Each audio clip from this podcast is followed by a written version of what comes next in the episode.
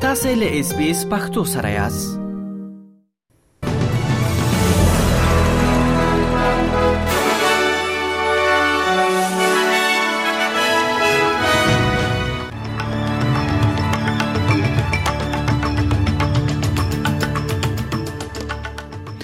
خبرونو سرټکی پکتیا او خوست کې بیا زلزلہ شوې ده او لږ تر لږه سوالت کسان ټپيان شوي دي او لسګونه نور کورونه نړیدلې دي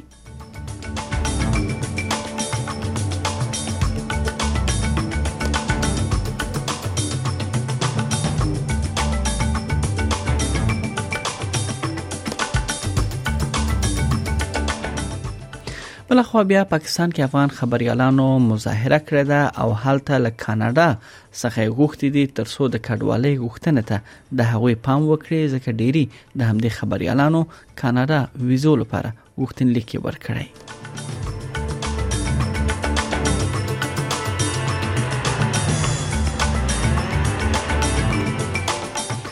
د استرالیا د درملو تنظیم کونکي اداره چې دا د کوچنیانو لپاره د موډرنا د کووډ 19 واکسین یې لړمحاله تصویب کړ او اوس د دې اجازه ورکړه ده چې ماشومان باندې د واکسین وکارول شي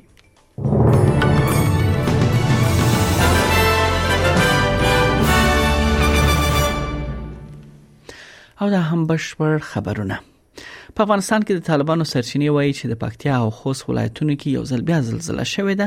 د راپورونو لمخې غیان برمل او سپیره ولسوالیو کې د شدید زلزلې لامل ځینې کورونه ویجاړ شوي دي او د زلزلې لسیمې یو شمېر ټپیان او ژوبل شوي کسان روغتونونو ته وړل شوي دي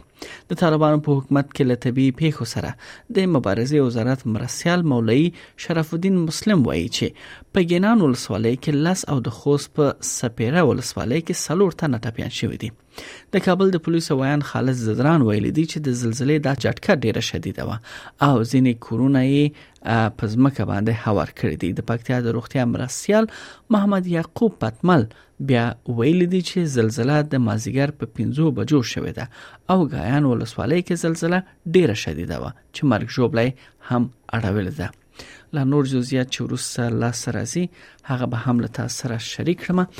بل خو را بشو دلته بیرته استرالیا ته په استرالیا کې د چاپیریال وزیر تانیا پلبرسک د استرالیا د چاپیریال د وضعیت په اړه چې کوم رپورت خبر شوی دی هغه مخالف بللی دی او هم یې یو سره سوزه بللی دی دا راپور چې نن خپور شوی دی په ګوته کوي چې څنګه د استرالیا اصلي ځمکه د اقلیم بدلون د ځمکې پاکولو کان کیندنې او ککړتیا په شمول د فکتورونو لخوا زیانمنه شوې ده او دغه زیانمنېدنه روانه ده تانیا پلبرسک بیا وایي چې حکومت به د 2023م کال لپاره نوې قانون رامنځته کړي ترڅو د چاپیریال ښه ساتنه او بیا رغونه وکړي While it's a confronting read, Australians deserve the truth. We deserve to know that Australia has lost more mammal species to extinction than any other continent. We deserve to know that threatened communities have grown by 20% in the last five years, with places literally burned into endangerment by catastrophic fires. د چاپیریال وزیر د سکاټ مورسن په حکومت باندې هم د راپور د خبرېدو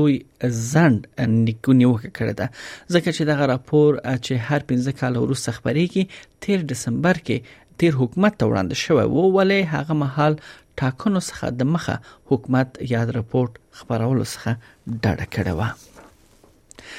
د استرالیا د درملو تنظیم کوونکې اداره د کوچني ماشومانو لپاره د موډرنا کووډ 19 واکسین ته لړمحاله اجازه ورکړې ده چې کارو یعنی دا وکارول شي یا په بل معنی هغه تصویب کړ د مالجوي توکو اداره وایي چې دوی د شپږو میاشتو څخه تر 15 کلونو پورې د ماشومانو لپاره د ماشومانو د درملو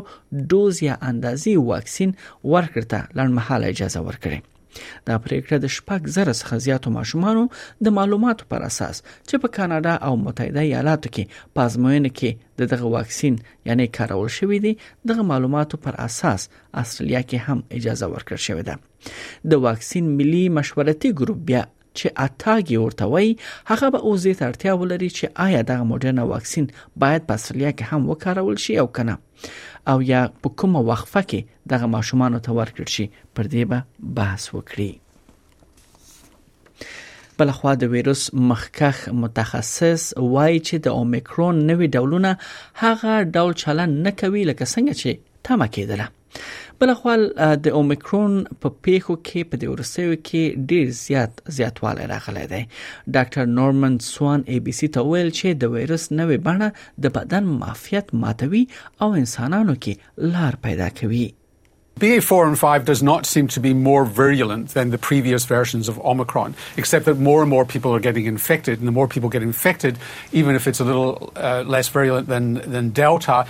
you're still going to see hospitalizations. The problem is that all immunologists are increasingly perplexed by this virus. It's not behaving the way they expected. What you would expect is um, is that you would build up a, a community based immunity to this virus, and it would become milder and milder as time goes on in terms of the impact on the community. That's not happening. It just keeps on coming back and evading uh, immunity.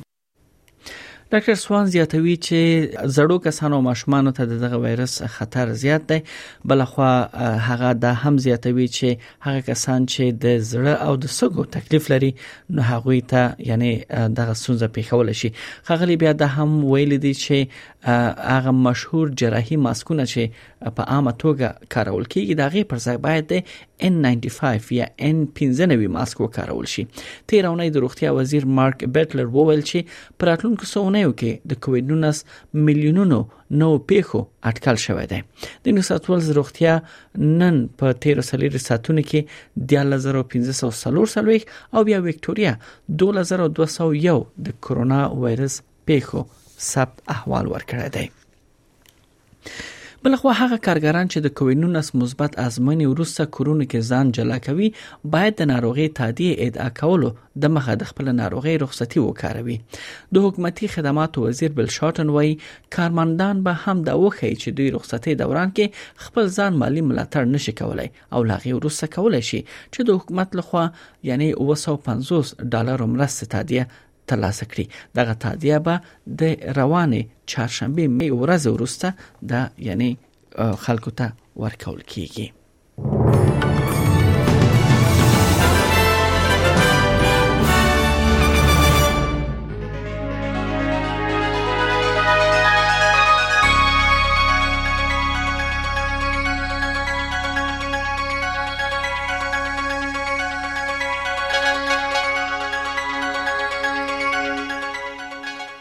د هم د استرالی ډالرو پر وړاندې د زینو بهرنۍ اسعارو بیې په نړیوالو مارکیټونو کې یو استرالی ډالر 0.85 امریکایي سنت 0.8 یورو سنت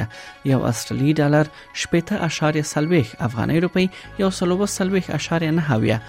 پاکستاني روپۍ یو استرالی ډالر 350.15 هندۍ روپۍ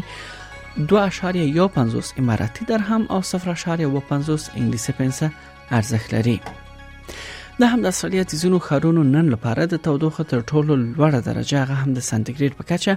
سیدنی کې هوا باراني ده سوالس په ملبورن کې آسمان برګ دی دولس په برزبن کې هوا لمریزه ده یویش په پرت کې هوا لمریزه 19 په اډلېټ کې اسمان برګ دی 13 په هوبرټ کې اسمان برګ 11 په کمبيرا کې اسمان برګ دی 12 او په اخر کې داروین هلته هوا لمریزه ده او د تودوخه تر ټولو لوړه درجه 10 سانتیګریډ